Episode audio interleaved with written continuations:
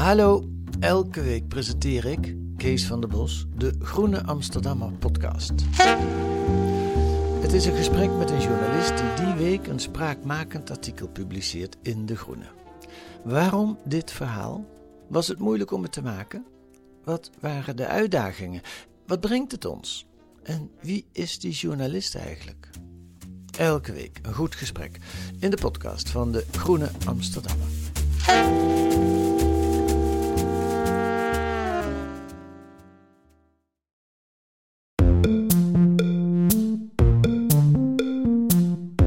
Daar, fijn dat je luistert naar Boeken FM, de literaire podcast van Dasmag en de Groene Amsterdammer.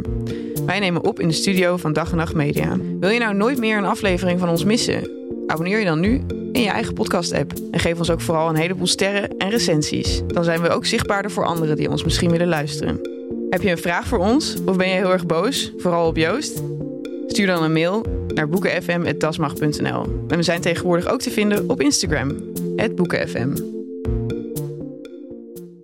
En ehm, je hebt bijvoorbeeld wel eens, je had Bonnie Raitt, die echt een soort van uh, haar carrière wilde. Die was in de jaren zeventig. Was het met Total Eclipse? Oh, dit Turnaround. Ja, Total Eclipse Ja. of, of the Heart. Die heeft een paar jaar geleden. Bright eyes. Hallo allemaal en welkom bij Boeken FM, de literaire podcast van tijdschrift De Groene Amsterdammer en uitgeverij Das Mag. We zitten zoals altijd in de studio van Dag en Nacht Media. Vandaag in mijn favoriete bezetting, namelijk met Joost de Vries, Ellen Dekwits en Merel Borst, mijn drie allerbeste vrienden. Welkom jongens. Charlotte, je bent zo'n schatje. En we- je bent vergeten te vertellen dat we natuurlijk door, eh, op het podium Podimo zitten. Hè? Joost, ben je eigenlijk nog gebeld door Tim de Gier over hoe het zat? Ik, zit nog, eh, ik verwacht dat hij me elk moment een tikje stuurt. Gewoon, of dat ik hem een tikje moet sturen. Ja, Ja. gewoon met een Deense zak geld dat we onze, onze, onze kant op 10.000 stroomt. kronen. Ja, het is wel Als echt een, een... als een eh, gletsjer op ons afkomt. Dus van een Hamletiaanse vaagheid, hoe Ja. deze overname, want wij, zijn, wij weten er niks van, lieve luisteraar. Wij kregen het ook maar als een fait accompli. Maar eh, Dus de telefoonsneeuwbal heeft ons nog niet bereikt. nee, nog, nee. Nee. we staan redelijk Nee. onderaan de telefoonpyramide. Maar weet je, het zal geen onwil zijn, maar gewoon onverschilligheid. Ja, dat, dat is een troost, altijd. Ja, toch? Trouwens, als iemand vergeet dat je bestaat. ja, zalig. Dan word je tenminste een beetje met rust En gedaan. dan is het niet persoonlijk. Nee, dat scheelt. Eh, wat wij eh, eh, eh, onverschillig hebben behandeld is de maand van de filosofie. Want die hebben we overgeslagen. Dat blijkt Nou. niet mei te zijn. Spreek voor jezelf. Maar ik heb echt de hele maand zitten filosoferen. Ieder onbewaakt Oh, moment. jongens, zoveel zitten denken. Ben ik een vlinder? Ja ben, ik, ja, ben ik een vlinder? Ben ik een boom? Ben ik Ja. een vleermuis? Sneller dan een boom. Wat is groeien eigenlijk? Moeten we wel groeien? Moeten we niet krimpen? Dat soort vragen heb ik me veel gesteld. Nou, En deugen de meeste mensen? Ja, nou ja, dat is wel grappig. Ik dacht dus van niet. Daar heb ik er heel lang over nagedacht. En ik denk dus dat ze deugen, maar wel om heel andere redenen dan Rutger Bregman. In 2023 verschijnt het boek van eh, Joost hierover. De meeste mensen deugen alsnog. Goed, de maand van de filosofie. Eh, eh, daar heeft eh eh filosoof, die geen filosoof is, Paul Verhagen, een essay voor geschreven. Dat heet Intieme Vreemden. Joost, wil jij ons vertellen wie Paul Verhagen is? nou, ik wil hem eigenlijk in een, in een triumviraat schakelen. Jezus. Je hebt drie Vlaamse psychiaters. En dat is Damien Denies, Dirk de Wachter en Paul Verhagen. En dat zijn alle drie eh, hoogleraren en eh, directeuren van psychiatrische instellingen. En zijn alle drie Vlamingen van in de 60. Een soort K3, maar dan Een soort, oud. ja, een soort K3, maar dan eh, grijze witte mannen.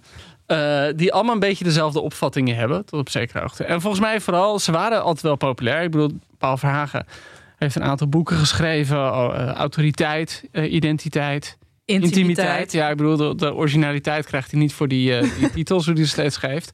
En eigenlijk zijn die drie, ja, die drie psychiaters zijn duidelijk een soort van buiten de psychiatrie getreden, vooral tijdens corona.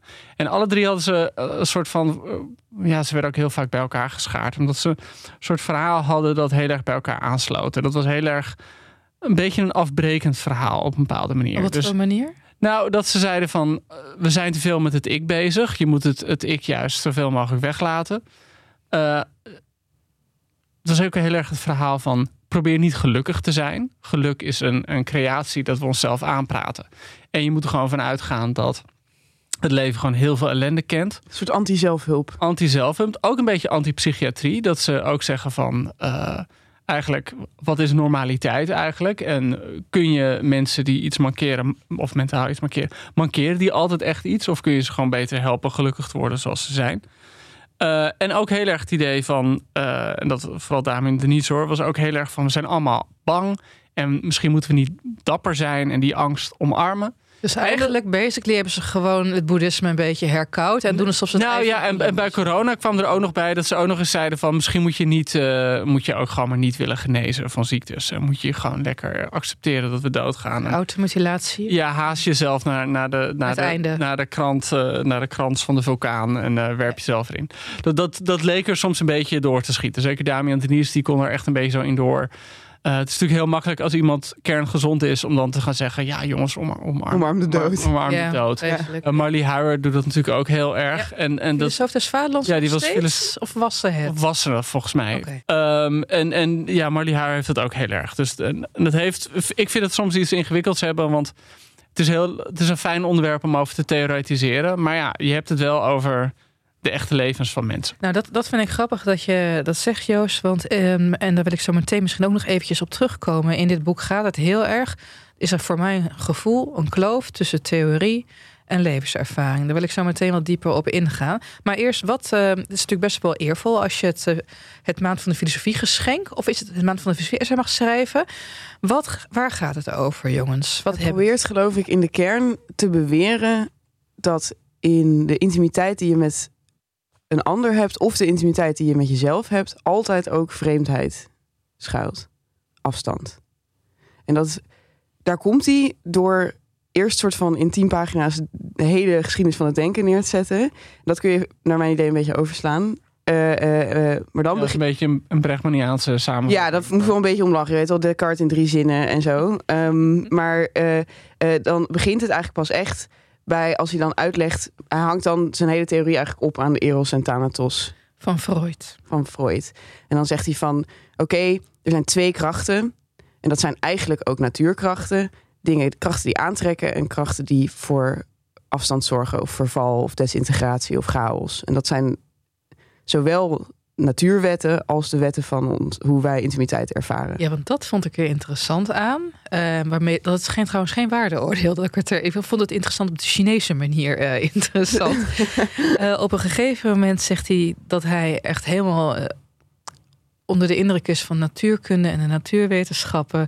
En dat hij zich beseft dat er maar twee verschillende golfbewegingen zijn in de wereld. Of je bent op weg om energie te vergaren en dus als organisme te bestaan. Of je bent als organisme uit elkaar aan het vallen. Ja, en daar koppelt hij werkelijk alles aan. Het, dat wordt een totaal ontspoorde metafoor in dit hele boek. Op een gegeven moment is het ook onduidelijk. Hij zegt zelf, ik weet niet wat energie is. Nou ja, als je dan nog twintig pagina's door moet lezen...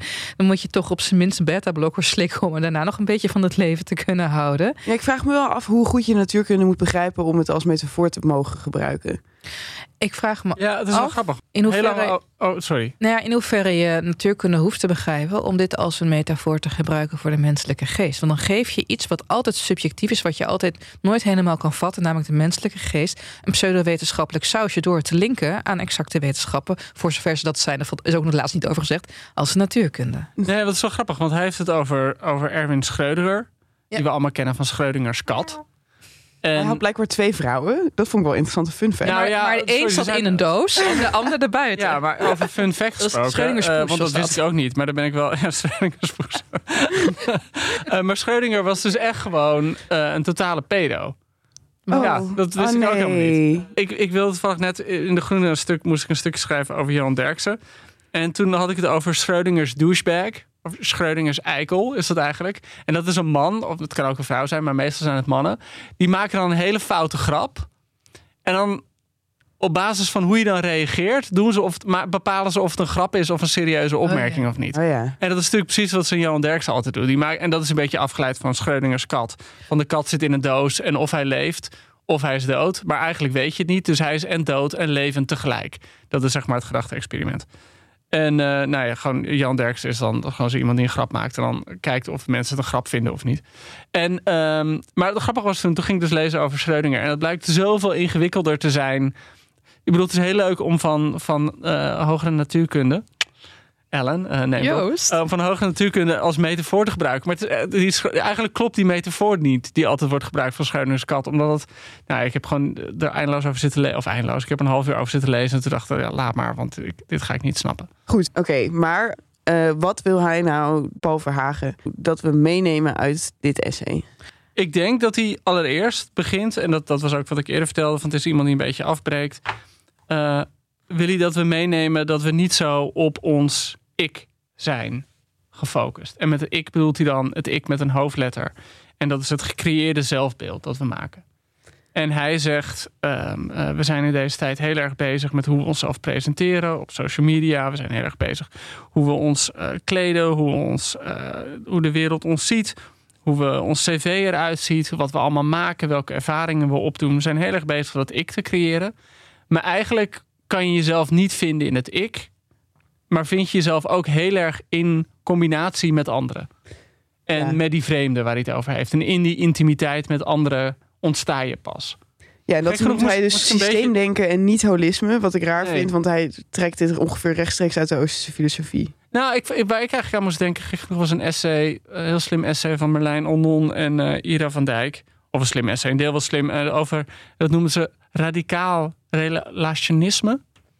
En ja, het was voor een deel niet slim, omdat het voor de, hel- voor de helft van het essay was gewoon over hoe dom ik was. Ja, Oh. nee, ja, dat was, was ik het gek genoeg niet mee eens. Nee. Eh, maar eigenlijk namens een aantal romans van eh, vooral Nina Polak en Nina Weijers. Maar ik denk dat er heel veel andere romans van, van jonge schrijvers zijn die er ook over eh, kunt, die daar ook onder kunt varen. En dat met het radicaal relationisme bedoelden ze dus dat het allemaal personages waren die eigenlijk pas cachet kregen door de blik van anderen. Dus mensen die alleen bestonden als ze gezien werden door anderen. Ja. En, en dat is natuurlijk een heel ehm, duidelijke uitwerking van het thema wat, wat hij beschrijft. Dat vind ik wel een grappige manier om op die manier naar die personages uit die romans te kijken. Eh, en hij zegt dus van eigenlijk moeten we niet zo. Nou, gaat hij daarin mee en zegt hij van we worden gevormd door de mensen om ons heen en de intimiteit die we aangaan. Dus ik denk dat dat een deel is van wat hij ons mee Ja, maar dat is op zich dat is bijna weer zelfhulp. Ik vind dat hij vrij, best wel uit de bocht vliegt op het einde. Want dan, zegt hij, dan gaat hij het hebben over een soort perfecte staat waarin de mens verkeert voordat hij van zijn moeder gescheiden wordt. Ja. Eh, eh, eh, het universele waar je dan naar terugkeert als je doodgaat.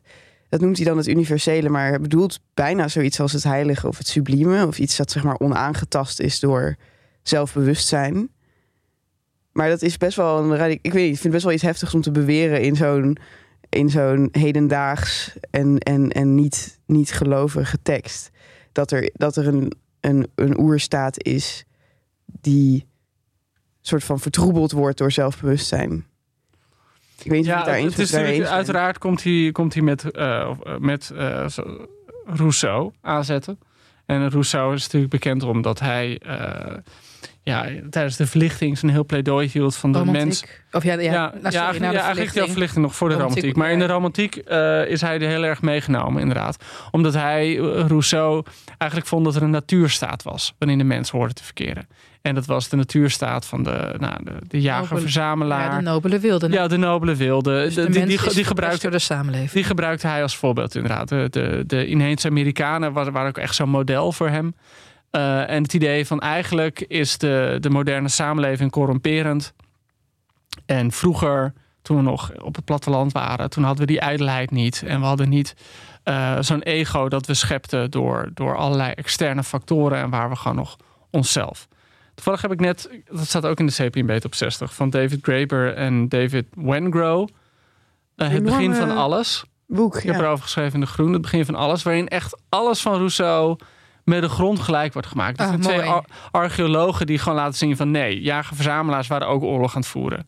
en die deden ook vreselijke dingen. En eh, ze deden ook hele goede dingen hoor, maar het was gewoon veel complexer dan dat het in zo'n verhaaltje is. Dus dat is wat- wat ik echt leerde uit het boek, dat zodra iemand echt zo'n verhaaltje gaat vertellen aan de hand van Thomas Hobbes of, of Rousseau van zo waren we ooit, dan weet je, het was veel ingewikkelder dan dat. Dat is Ja. ook Brechtman ten top. Ja, dat- die dat- beweert echt van, daar waren vrouwen nog de baas en weet ik veel wat. Ja. En we waren allemaal lief voor elkaar. We waren allemaal lief voor elkaar. Nou, daar blijft echt niks van over als je dat, eh, dat leest. Maar goed, ik, ik proef al een beetje uit onze meningen dat we niet echt kapot hiervan zijn en overtuigd. Nee, ik ben niet echt overtuigd. Ik denk dat hij maakt. hij- De, de stelling is ook niet zo radicaal. Soms dan zegt hij ineens iets heel radicaals. Bijvoorbeeld van er is een universele oerstaat waar we- we vandaan komen. Maar daar gaat het dan niet eens over. Mhm. En de hoofdstelling, namelijk dat, je, dat een intieme altijd vreemd zal zijn en een vreemde altijd intiem of zo, dat is niet, ook niet Nee. vernieuwend, heb ik het idee. Nou nee, we- sterker nog, we hadden het eh, twee afleveringen geleden er nog over. Toen we het de aflevering hadden over eerste liefde, toen zei Joost nog heel erg mooi. Dat je op een gegeven moment op het moment in een relatie hebt, dat je naar de ander kijkt en dat je denkt, ik ken jou eigenlijk helemaal niet. En hoezo moet ik jou vertrouwen? Dus ja, Maar ik vond dat hij daar wel, wel interessant ook over die eerste liefde schrijft, Verhagen. Want ik had het over van hij breekt het ego een beetje af. En hij zegt van er zijn dus momenten waarop je jezelf verliest. Ja. Eh, en een van die dingen die hij noemt eh, is, is verliefd worden voor het eerst. Dat je dan opeens, je bent de hele tijd bezig je eigen ego te creëren. En opeens is er iets dat boven jouw ego gaat. Omdat je als je echt verliefd bent, dat je dan altijd op een zekere hoogte denkt van ja, maar jij bent gewoon, wat doe je met mij? Weet je wel, jij bent veel te goed voor mij. Hmm. Eh, en dat dat zo'n moment is. Charlotte? Nee Ja, toch? dat is mannen te goed, dat ik denk dat mannen te goed voor mij zijn. Nooit. Eigenlijk elke En keer. niet mannen, gewoon oh, jezus, Charlotte.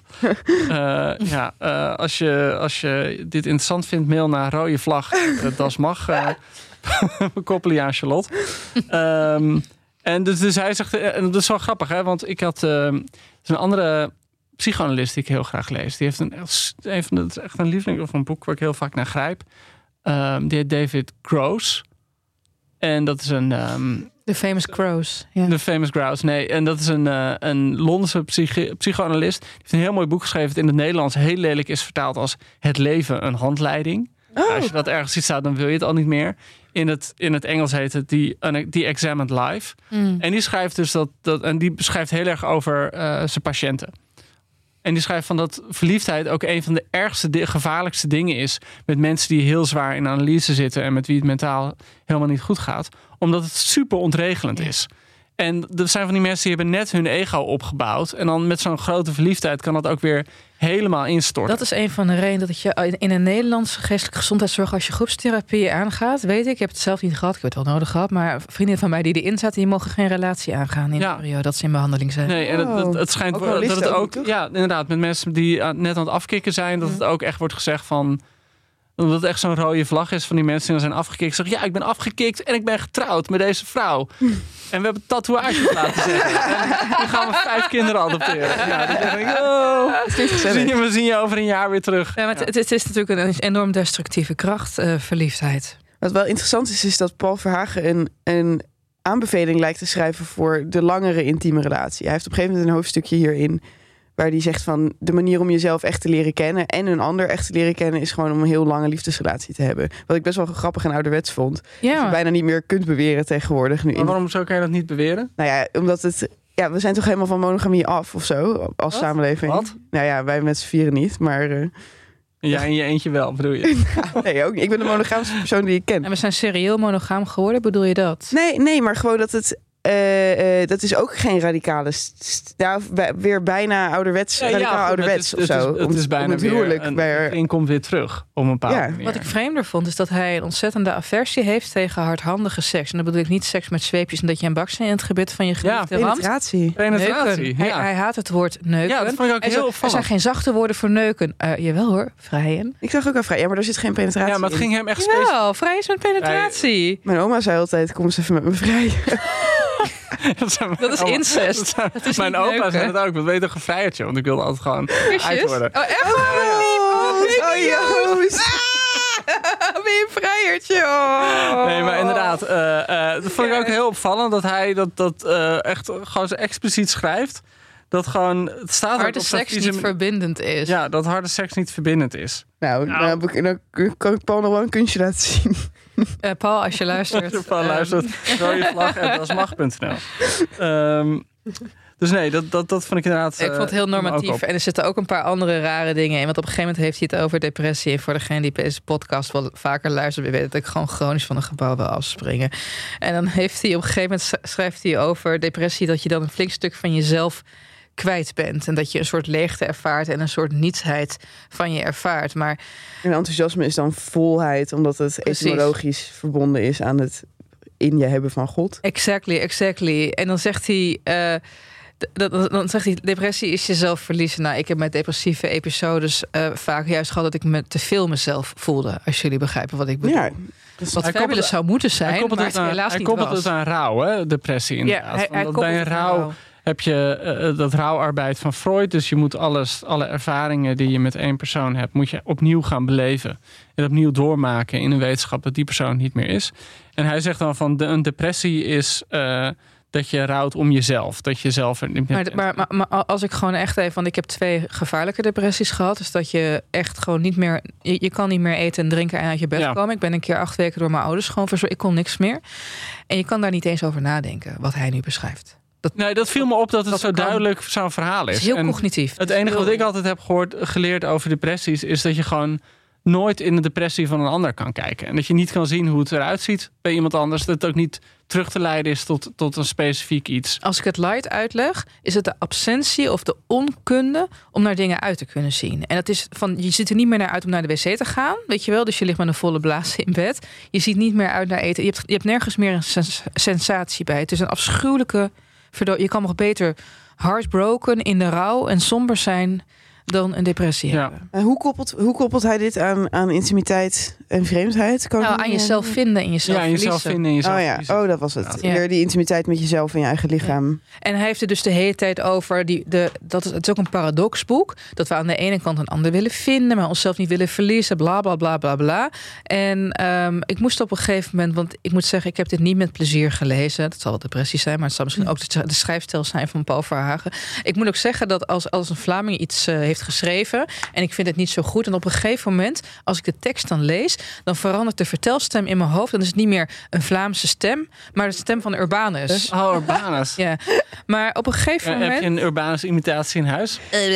ik hou niet van madame met een bontjas. Mag ik één Urbanus anekdote vertellen? ik, was, ik was op de. Toen was ik net gedebuteerd met mijn eh Deze eerste roman. zin zeg jij zo vaak.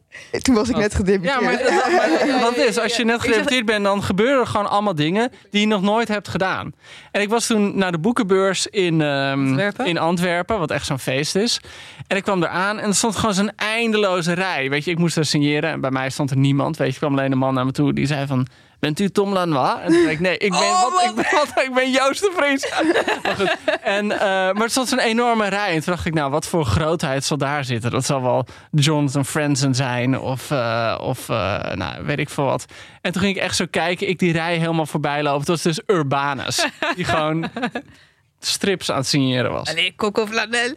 Ja, of, of dat Urbanus. Of, en dat had ik af en toe, maar toen, toen al zijn natuurkundige theorieën, niet van Urbanus, maar van Paul Verhagen, echt aan het ontsporen waren in het boekje, dat ik het met de stem van Kabouter Wesley begon te horen. Oh ja, inderdaad. Maar ehm, Of de hond uit Samson en Gert, van wie ik ook vergeet welke de hond is. Danny Verbiest, Samson is de hond uiteraard. Hoezo is dat uiteraard? Nou, omdat Samson wel een soort van normale naam voor een hond is. Ik zou mijn hond best Gert noemen.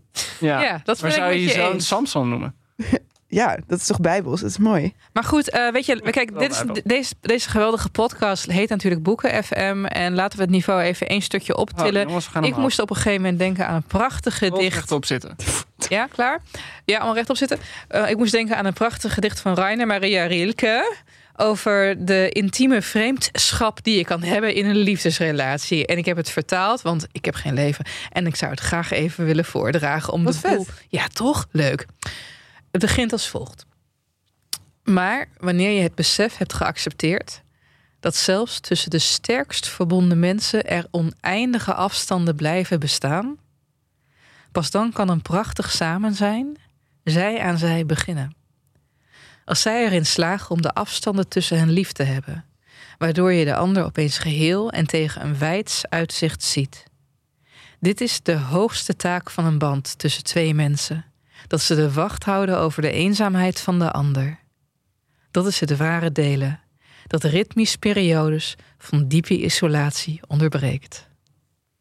Fijn is Rilke mooi. altijd. Je kan, het is ook echt zo honderdduizend citaten altijd van Rilke vinden. Ja, Dus ook echt gewoon, eh, ja, gewoon zo, zo iemand die van die verbluffende one-liners kan hebben. One-liners. Ja, nou ja, goed. Bedoel, ik bedoel, en het is een hele mooie dichter. Maar je, nou ja, goed, laat maar. Nee, ik snap wat je bedoelt. Ja, Hij is tatoeëerbaar. hij is, hij is ja, tattooable. ik heb toch dan hier eventjes de conclusie van het boek. En het punt is natuurlijk ook, het is een boek. En, en dat, dat je uitdaagt om er mee eens te zijn of er niet mee eens te zijn. Hij schrijft eigenlijk dat intimiteit, wat, hè, wat ik al eerder vertelde, hij, draait heel erg om wat om, moet het ego afgebroken worden. En hij ziet intimiteit als iets dat het ego afbreekt. En daardoor intimiteit bevreemdend is. Omdat, en dan zegt hij van dat dat het bevreemder is. Ik verlang naar een ontsnapping uit de beperktheid van mijn lijf en mijn leven. Ik wil zo dicht mogelijk bij de ander, bij diens warmte. Ik wil mezelf geven, helemaal. Maar daar ben ik doodsbang voor. Want als het lukt, als ik daarin slaag, dan verdwijn ik. Eerst in de ander en vervolgens in al het andere. Angst voor de dood en de, en de wil om te leven hebben een duister spiegelbeeld. De angst voor het leven en het verlangen naar de dood. Begrijpen doen we niet, voelen des te meer. En het gekke is, ik zat erover na te denken, want aan de ene kant gaat dit boek heel erg over lange relaties. En die angst om zo te verdwijnen in eh, de intimiteit en in de liefde, dat is misschien iets als je net super verliefd bent op elkaar. Ja. Maar juist het idee, als je heel lang met iemand bent, dan word je voor mijn gevoel, als je een fijne, stabiele relatie hebt, ook meer jezelf. Ja. En snap je, eh, heb je ook een heel mooi, uh, hopelijk, verband met iemand waarin je gewoon jezelf bent. En die ander is ook zichzelf. En toch zijn jullie samen een apart iets. En dus voor mij zou dat helemaal niet aanvoelen als dat je jezelf opheft.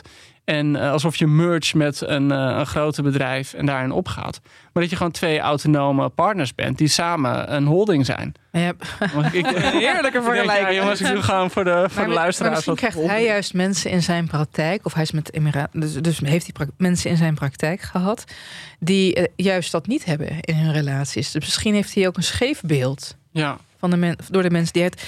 Ja, Nee, want hij beweert, dus juist dat de lange relatie eigenlijk de enige man- manier is om zowel een ander als jezelf te leren kennen. Dus hij is het met jou eens. Maar wat ik, waar, ik, waar ik dan weer eh, eigenlijk een verband naar het grotere mis. Want hij gebruikt de vergelijking van eh, Aristophanes. Dat verhaal over dat de mens van oorsprong een beest met twee ruggen was. Eh, tot, het in, tot die beesten in twee werden gespleten. En nu zijn we altijd op zoek naar connectie met de ander. ja. wat in feite je Siamese tweelingbroer is, dus fucking incest. ja heel, eh, eh, waardoor de mens altijd, zich altijd fundamenteel eenzaam voelt of zo. Dan schetst eigenlijk Paul Verhagen een, een nieuw tweeruggenbeest. Namelijk een mens zoals we hem kennen, maar dan in een serieuze relatie. Maar wat ik me eigenlijk altijd heb afgevraagd in dat verhaal van Aristophanes... is van hoe was de connectie tussen die twee ruggenbeesten met andere twee ruggenbeesten? Want je schetst een, Mm. weer een nieuwe Mm. soort van mono-entiteit. Namelijk twee mensen die heel erg met, die van elkaar leren en zichzelf zijn of whatever. Maar hoe Ja. gaat dit dan de samenleving weer? Maar het is aan mij het idee alsof dat twee ruggenbeest eh, voldoende was. Ja, Of die geen contact met... Maar zo werkt het zo niet. werkt het Nee. natuurlijk niet. Hoe, hoe moeten we dit boekje dan gebruiken om met de mensen die ons vreemd zijn intimiteit te ervaren? Maar mag ik hier nog even iets over zeggen? Want het is de maand van de filosofie over elf maanden alweer. Dus laten we even op, de, op, de boel, eh, op de boel voor Ja, dan uitlopen. kunnen ze ons nog vragen, Ja. de organisatie. Eh, Kom voor het boek. Naar aanleiding van dit. voor de lezers, eh, een heel interessant boek hierover is de onuitsprekelijke gemeenschap van de Franse filosoof Maurice Blanchot. En die zegt op een gegeven moment dat het een probleem is als mensen verliefd worden, want ze sluiten zich af van de samenleving, verwaarlozen alle andere levensvormen om hem heen. En hij zegt dat op een gegeven moment, omdat die mensen kinderen krijgen, ze wel genoodzaakt zijn om weer aardig te doen tegen hun buren, omdat je het op een akkoordje moet gooien dat ook die kinderen veilig opgroeien en beschut zijn voor de Oh ja, je samenleving. moet gewoon vrienden worden met de andere ouders op het schoolplein. De Precies. village dan ineens in beeld. Zo kan het ook. interessant. Ja, ja, goed hè. Blanchot sowieso. eh, van, eh, ken jij me een beetje? Ken jullie ja, ik ken hem een beetje, Ja. maar niet echt. eh, Ja, nee, ik, ik, ik vreet het. Ehm, Mag ik jullie nog één algemene vraag stellen? Lezen Ja. jullie veel filosof- filosofische teksten? Ja. Gewoon zomaar? Gewoon voor de lol? nee, nou weet je, kijk, eh, ik, ben, ik ben bezig met essays. eh, en, en met een roman, weten jullie, maar die komt waarschijnlijk in 2053 een keertje uit. Dus nee, ik ben de laatste tijd ben ik wel veel aan het lezen. En eh, juist heel veel essays en, eh, en, en stukken over het, het onverwachte en het ondenkbare. Omdat daar we natuurlijk helemaal in zaten met COVID. En natuurlijk met die hele Oekraïne militaire speciale operatie. Dus eh, ik zit wel weer even lekker in onder andere Blanchot. Oké, maar hoe ehm, ga je een interactie aan met zo'n tekst? Want jij bijvoorbeeld, Ja. omdat je Paul Verhagen soort van kritisch Ja. benadert, ga je zo'n tekst in met van ben ik het hiermee eens of niet? Bouwt Nee. hij zijn argument goed op? Nou, met, of een filosofische, met een filosofische tekst probeer ik eerst te kijken of eh, ik in het denken kan komen Ja. van degene die hem geschreven heeft. Dus ik ga niet kijken naar de inconsistenties. Maar ik kijk, wat wil deze persoon? En hoe zet deze persoon taal in? Weet je, wat betekent welk woord? Als je begrijpt ik bedoel, nou, dat is Ja. voor sommige filosofen, als je Heidegger leest, onmogelijk. Dat je denkt, ik weet niet wat hij heeft gedronken, maar ik wil het niet. Ehm, dus op die manier probeer je het te waarderen. En daarna maak er vaak mijn eigen verhaal van. Dat heb ik. eh, En, en ga ik verder kijken. Ik heb bijvoorbeeld Maurice Blanchot, laten we daar nog heel veel over hebben. Die heeft een notie het buiten. En dus dat er altijd iets is dat we niet kunnen zien, omdat we zelf de wereld via taal begrijpen. Als ik tegen jullie zeg, hey, ik heb een mooie hond, dan denkt, eh, nou ja, Joost, ik denk een dokter bij het graag, Ja, denkt een Labrador ja. en zo. Ja. Charlotte denkt misschien aan, eh, wat vind je een leuke hond? Een hazenwindhond. Een hazen- een hazenwindhond. Ja, die vind ik heel mooi. En eh, het, hetzelfde geldt als we wat abstractere begrippen van... hey jongens, ik word, ik, ik, ik word heel wild van dit en dit. En dat jullie denken bij wild, dan denk je aan de ene kant... ik een horizontale lambada met iets toe. En de ander denkt van, oh, dat ik gewoon echt aan de downers moet... omdat ik ergens Ja. wild van word. Dus taal sluit dingen buiten. En dan heb je een dimensie, en dat is haast een mystieke dimensie. En ik denk, ik heb het gevoel dat Verhagen hier ook af en toe een beetje aan refereert. Iets wat je niet kan waarnemen, alleen fysiek via je zintuigen kan ervaren. Eh, en dat noemt Blanchot het buiten. Het is trouwens echt een baas, Maurice Blanchot. Eh, Foucault, in zijn, in zijn biografie heb je op een gegeven moment dat Foucault dan studeert. En eh, dan droomt hij s'nachts dat hij Blanchot is. En dan wordt hij wakker en dan blijkt hij Foucault en dan is hij heel teleurgesteld. Ah, dat vind ik echt heel zielig. Die heb ik heel grappig. Nee, maar goed, het, het, het punt is natuurlijk met dit boek, het is niet echt filosofie. Het is meer, zoals Mulisch het noemde, filosofologie.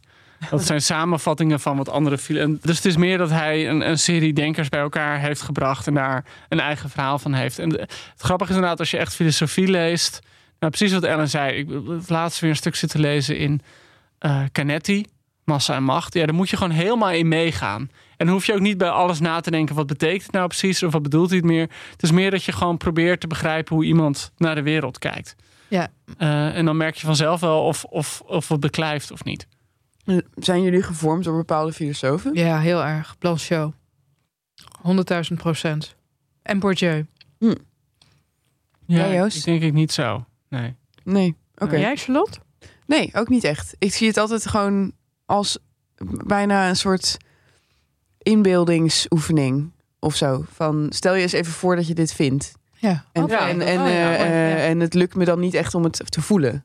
Mm. Zoals ik dat bij een roman wel zou hebben. Van stel je eens even voor hoe het is om deze persoon te zijn.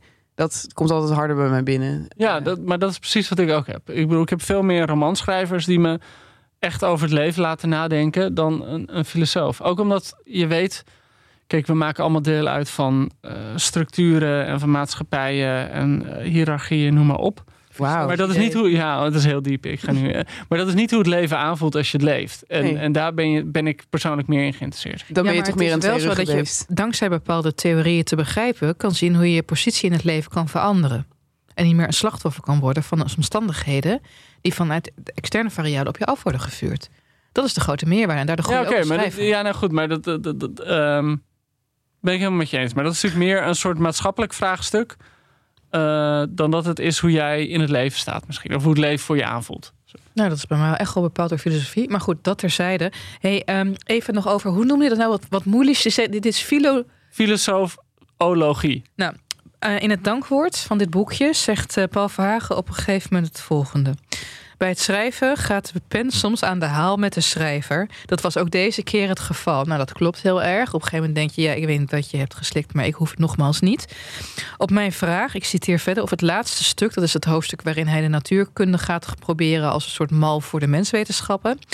Op mijn vraag of het laatste stuk niet helemaal van de pot gerukt was, gaven Erwin Mortier, Roek Lieps en Sophie de Wulf een geruststellend antwoord. Ik vind het zo grappig om je, om je eh, betoog te stutten met grote namen. Ja, ja, ja, maar ook, ehm, want dan weet je, dat is een zwaktebod als je dit in een dankwoord opneemt. Ja, vind ik ook. Dus als je het kut vindt, dan zijn hier drie mensen die dat niet vonden. Ja. ja. Drie mensen die belangrijker zijn dan jij. Ja. Dus En, dat, en voor, wat, wat dat betreft, dat zegt voor mij eigenlijk ook eigenlijk alles wat ik van dit essay vind. Het zakt als een plumpudding in elkaar. Het is gewoon een mislukte metafoor. Het, is, het, het doet niets nieuws in het oeuvre van Paul Verhagen. Ja, ja Merel, je kijkt misschien, maar ik, eh ik word dat er zit niet te kijken, jongens. van. Zullen wij, ik heb een voorstel. Laten wij het boek becijferen. Hm. Laten wij één voor één even zeggen wat betere boeken zijn als je je in deze materie zou willen verdiepen. Ja, wat, wat ik zou willen zeggen als boek dat, eh, is dat je beter kan lezen, dat is gewoon intimiteit van Paul Verhagen. Want dan, daar werkt hij het veel meer aan. Dit voelt voor mij voelde dit toch aan als een soort van... Scholieren.nl Een, samenvatting. eh, ja, als een, van zichzelf. Ja. Eh, waarbij hij wel een andere draai eraan heeft kunnen geven aan, eh, met, met behulp van de metafysica. Maar dat, dat- ja, ik raakte, hij- mij raakte hij daar kwijt. Eh, dus, dus het voelt aan alsof hij iets over heeft gedaan wat hij al een keer interessanter heeft gedaan. Charlotte. Maar moet je er niet een cijfer achteraan? Oh ja, dus dan, dan, ik, ik bedoel, ik was er niet zo. Ik voel me niet. Ik heb het altijd het idee, Ellen, dat als jij een boek leest dat je slecht vindt, dat je ook echt gewoon bijna eh, de auteur verwijt. Ja. Persoonlijk. Ja, maar dat is En, en, eh, immoreel. Je hebt mijn tijd verspeeld. Die ik in andere dingen, zoals gamen, cavia's... en het Eurovisie Songfestival had kunnen stoppen. Waarover later meer. Ja. Ja, nee, oké. Ik, had, ik had dat iets minder hoor. Maar ook omdat het zo'n dun boek is. Maar, ehm, dus ik geef het een vijf. Ik twijfel een beetje, want wat ik het jammerst vond aan dit boek is dat het, eh, eh, eh, dat het op zo'n, ja, nogmaals, Brechtmaniaanse manier dingen versimpelt en bijna de lezer onderschat of zo. Aan de andere kant, hoe vaak lees ik nou filosofische werken die wel moeilijk zijn? En misschien is het goed dat we af en toe wat voorgeprakte filosofie opgediend krijgen. Ehm, maar ja, nee, ik was er niet kapot van. Zes. Zes. En zijn er boeken die je dan wel zou aanbevelen? Of, eh, In dit genre? Ja. Nee, ik weet het niet. Dit soort essays? Eh, nee, Nee? geen idee. Nee, want ik moest dus denken aan het zelfverwoestingsboek van Marianne Donner, waarin zij net zoals Paul Verhagen hier de schadelijke gevolgen van het neoliberale systeem kapitalisme uit, eh, uitlegt, maar dat op zo'n leuke, grappige manier doet. Dat ik eh, dat eigenlijk aan jullie luisteraars eerder zou willen voorleggen. En ook nog een ander boek. Heel leuk boek is dat inderdaad. Heel leuk boek. Maar het is ook van, het is ook van Das Mag, hè, dus we mogen niet veel reclame voor maken. reclame. En een ander boek waar Het ik stinkt het boek, dat wel. Het is heel leuk om te lezen, maar als je het openslaat, komt een vreselijke odeur. Ranzig. Ranzig. Een ander boek waar ik aan moest denken eh, is eh, De wijsheid van de heks van Suzanne Smit. En waarom? Ze doet daarin een heel mooi pleidooi over de meerwaarde van eenzaamheid voor je eigen geestelijke gezondheid. Dus waarom je er niet bang voor zou moeten zijn, maar het juist zou moeten dragen, omdat je op die manier het stof neerdeelt en dat je kan zien wat je eigenlijk denkt. Ze haalt daar ook heel mooi een heel stuk aan van Walt Whitman, Leaves of Grass, en Virginia Woolf's A Room of One's Own. Dus dat zou ik eigenlijk mee willen tikken. En ik geef het boek, dit boek van Paul Verhagen natuurlijk een 1. Dan komen we uit op een gemiddelde van een 4. Ja, sorry Merel. Maar Maar eh, mag je nog steeds over naar de volgende klas. Nee, dat als mag je er maar niet. eentje hebt. Eh, ja. Mocht jij nou over met een 4 naar de middelbaar? Hm. Nou, dat was toen ik wiskunde B liet vallen. Je ouders was wel maar geld betaald aan die, eh, aan die school van. Ja, die, die rijke papje van mij. Ja, dag. Barlees eh, deed daar niet aan. Deze heeft nu de Remark leeszaal.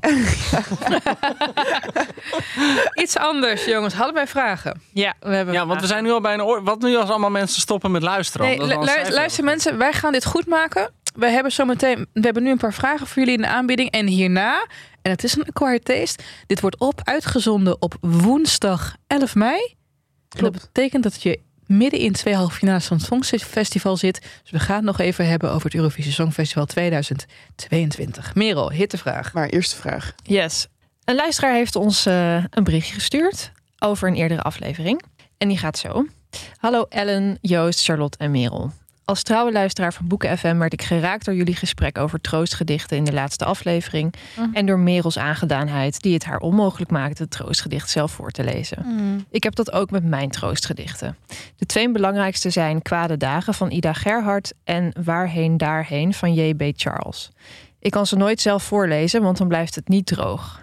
Hopelijk hebben meer luisteraars gereageerd en kunnen we een bloemlezing van troostgedichten van Oh. Boeken FM-fans samenstellen. Ja, leuk. Succes met jullie podcast en hartelijke groet van Wim. Nou, ik vind dat een hartstikke leuk idee. Dus luisteraar, als je, jij nog een ander troostgedicht te tippen hebt, stuur het naar ons. Eh, naar boekenfm.dasmag.nl of via Instagram, dat kan ook. En eh, het leek me wel leuk om een van de twee gedichten die Wim aandraagt eh, voor te dragen. Dus dat wordt Kwade Dagen van Ida Gerhard. Ga niet naar anderen als dat leed u slaat, dat een mens kromt of als een wig u splijt. Ga niet naar anderen. Raak uw kracht niet kwijt, die harde kern waarmee het u bestaat. En houd uw huis in stand, gelijk altijd. Ga niet naar anderen. Hun blik verraadt weigering te beseffen wat er is. Straks woedt hun onrust om in uw gemis. Mijd hun bedisselen, hun ergernis. Dat ge u blijkbaar niet gezeggen laat. Zoek het bij een goede vriend, u toegewijd. Eén die u niets verwijt, niets vraagt, niets raadt, maar u verdraagt met uw beschrijd gelaat. Die, zelf zwijgzaam, u kent voor wie ge zijt, en merkt dat het, nog bevend, bergop gaat.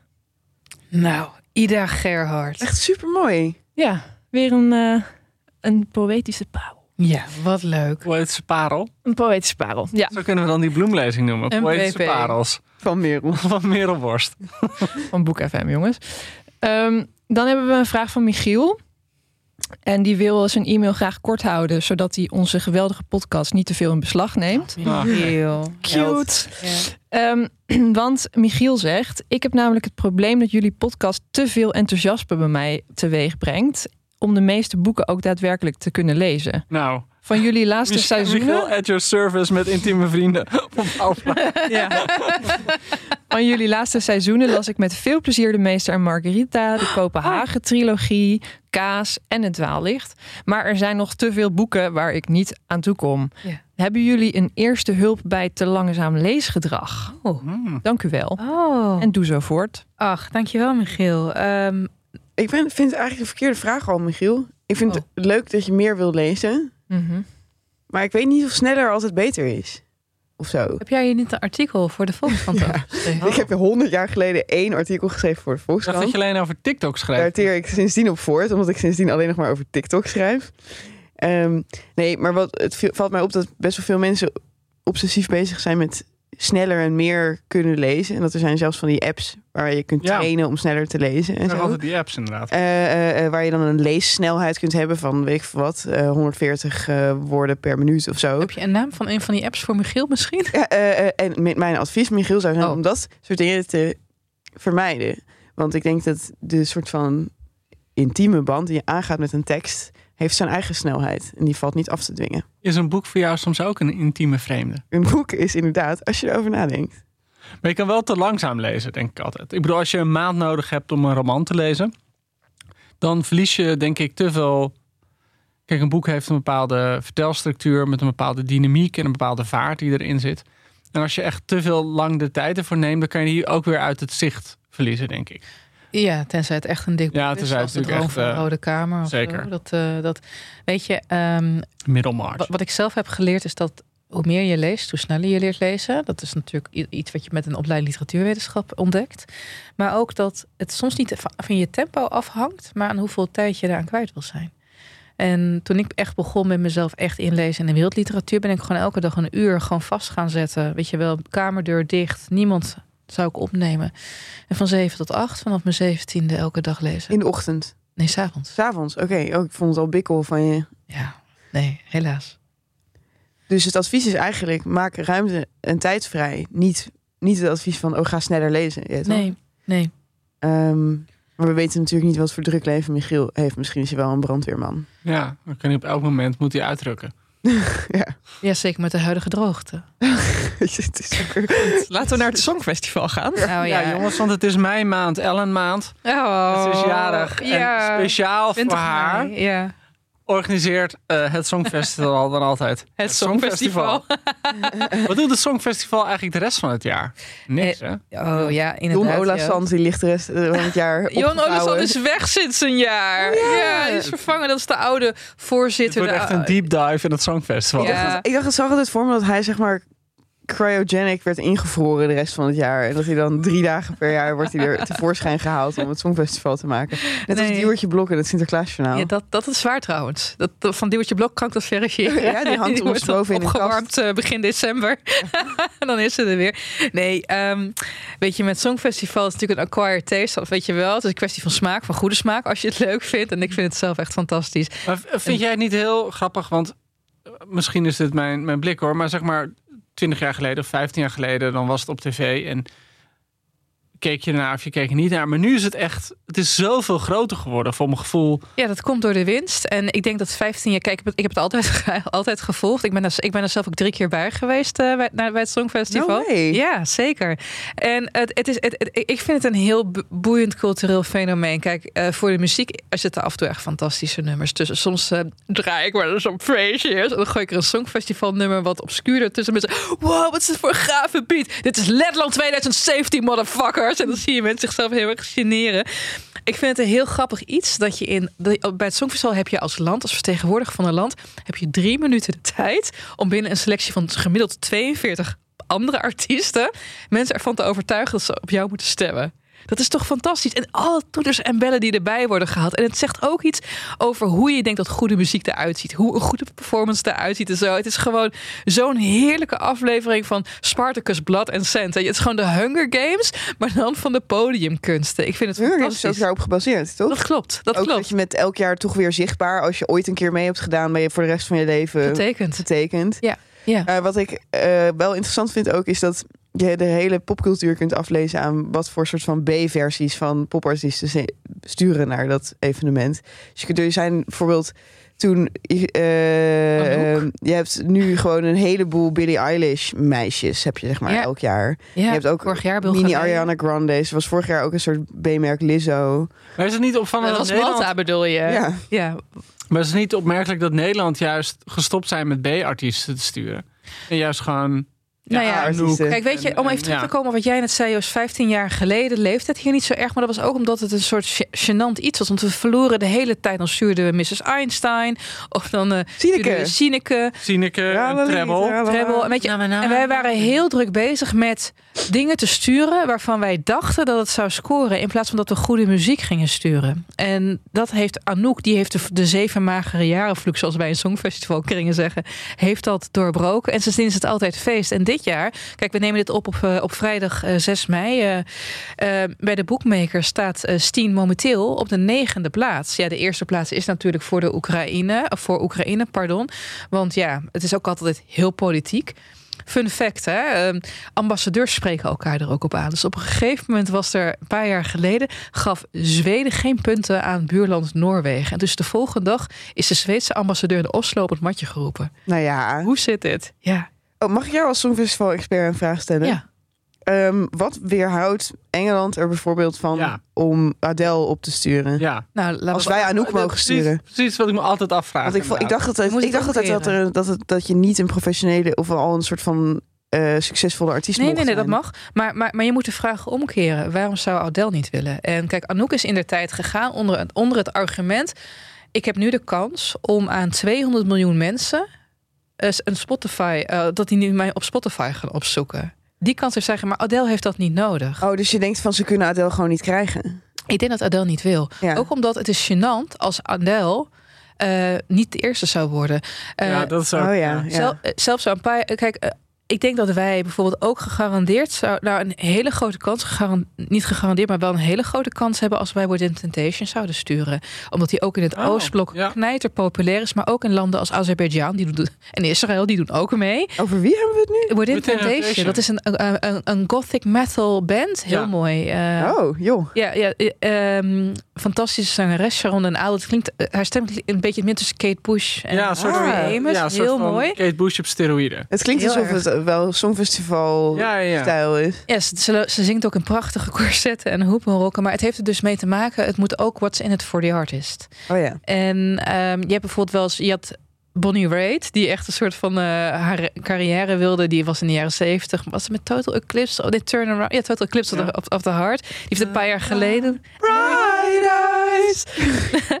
Die deed een paar jaar geleden mensen ook om haar carrière misschien te reanimeren. Maar dat is dus de reden dat, we, dat Adele gewoon niet... Ik denk dat ze wel gevraagd is hoor, of gepolst is. Toch wel. Ja, niet kan. Ik Ehm, dat het gold als een soort van onsportief om, om dan... Nee. ja, het, het zeggen. heeft ook iets. Het is ook. Het is eigenlijk best onsportief. Je bent ook wel echt een lul als je Harry Styles naar het Songfestival stuurt. Nee, maar zo werkt dat niet. En het het is ook zo, ehm, het is heel duur om een songfestival te organiseren. Vaak met toerisme Ja. en dingen haal je het er wel uit, maar het is een duur, duur, duur Maar dat, dat hoorde je, de, de- ik weet niet meer, maar dat was toen Vor- dat het jaar. Nederland was. Dat echt al intern werd gezegd van dit moeten we niet nog, we Nee. moeten niet winnen. Zeg maar. Dat- En Oh ja. daarom, en, en dat vond ik zo'n mooie fuck you vorig jaar tijdens de finale. Kijk, we hadden de fantastische Django McCroy. Leuk En vent zo. Fantastisch. En ik vind zijn stem fenomenaal. En de ellende was vanwege corona werd het een jaar uitgesteld. En om te voorkomen dat mensen niet al helemaal fan van één nummer zouden worden, moest iedereen een nieuw nummer gaan inleveren. Dat eerste nummer van Django Change, nee, Shape, ik weet niet meer hoe dat heette.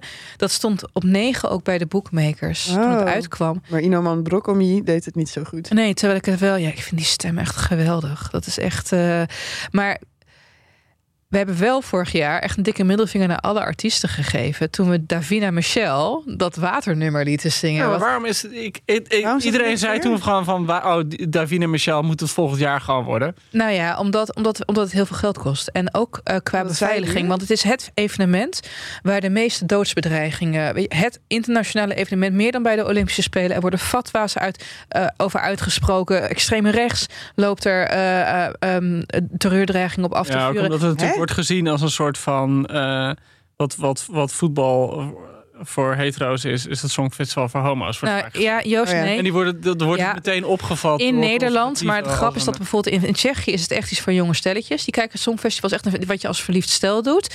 In Duitsland is het een bejaardensoos. Dat, dat is, het, is, dat is heel, dit is heel cultureel eh, gebonden.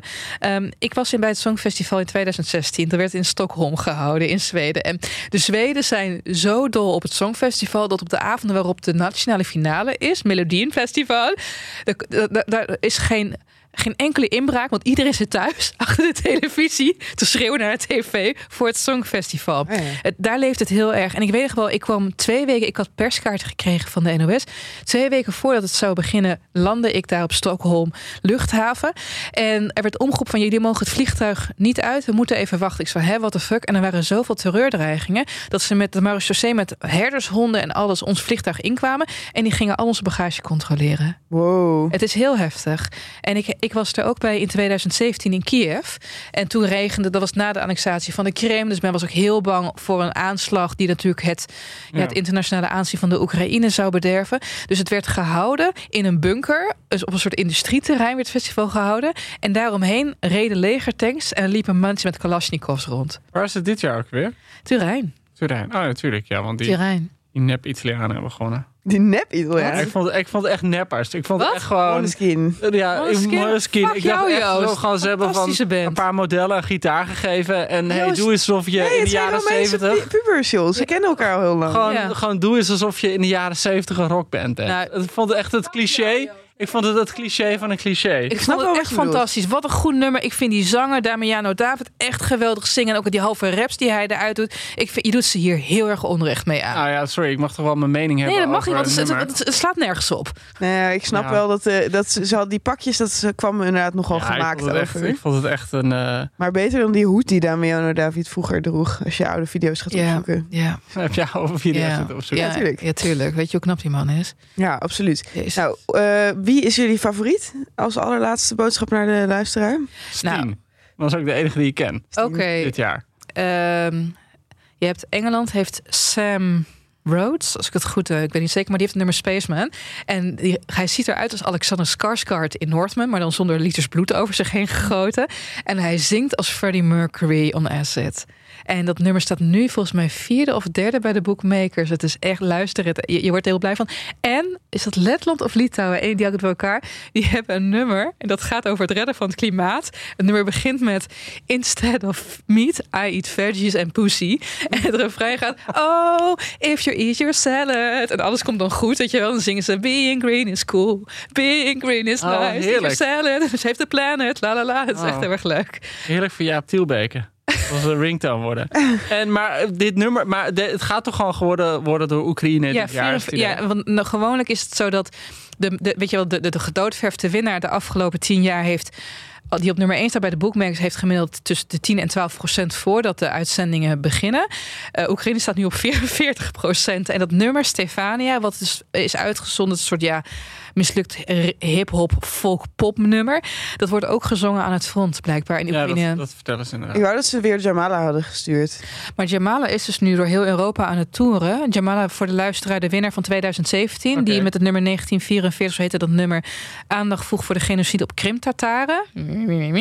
Die is nu heel Europa aan het door, door, doorreizen om aandacht voor de zaak te vragen. Ik had gewild dat, ze, dat, dat Oekraïne Manisha had uitgezonden. Dat is de Russische deelnemster die vorig jaar met Russian Woman volgens mij ook in de top 10 Oh ja, dat is- Oh ja. Super geëmancipeerd, super anti-Rusland. Volgens mij heeft ze nu ook de KGB, of heet het nou hoe dit tegenwoordig nee, goed, boze Russische man op haar dak gehad. Ja, of Pussy Riot hadden ze ook mogen Ja, sturen. Pussy, ja, Pussy Riot gestuurd. Hey, ehm, uh, want we moeten denk ik een beetje gaan, gaan afronden Ja. en afsluiten.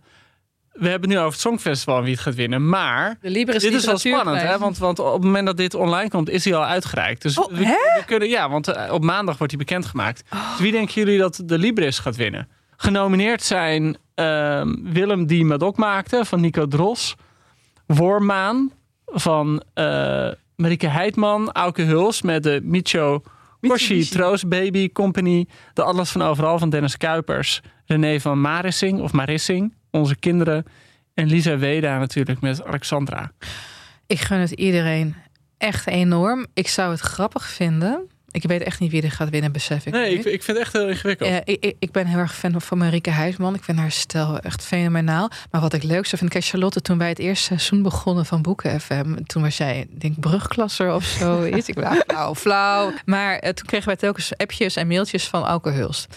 Of wij zijn boeken een keer wilden bespreken. Dus ik hoop eigenlijk dat Auke Hulst wint. Dan kunnen Ja, we er niet onderuit. Volgend jaar, volgende week gaan we, volgende aflevering gaan we de winnaar doen. Ja, bespreken. Ik, ik zou, eerst zou ik denken Lisa Weda, maar dat boek is al zo'n succes. ja, daar is de jury ook gevoelig voor. En ja, ik, maar ik denk op een of andere manier René van Marissing. dat zou ik gunnen. Ook omdat het een boek is waar, ik heb het zelf nog niet gelezen, maar het is wel zo'n boek waar ik best wel wat mensen over heb gehoord. En dat was nog voordat het genomineerd was. Hm. Dat mensen het toch bij hun beste boeken van een jaar hadden. En Hmm. het echt verrassend... ge- Ja, maar ook Ik heb veel uitkijken. over Auke Hulst gehoord. Ja, want Auke zat ook bij alle beste boeken van het Ja. jaar. Maar goed, we zullen het zien, lieve luisteraar. Ik gok nog steeds op Alexandra. Oké. Ja. Nou, Alright, we zullen het zien. ja, als, als dit online is, dan weet je het al. Tot over twee weken, jongens. Tot over twee weken. En bedankt voor het luisteren.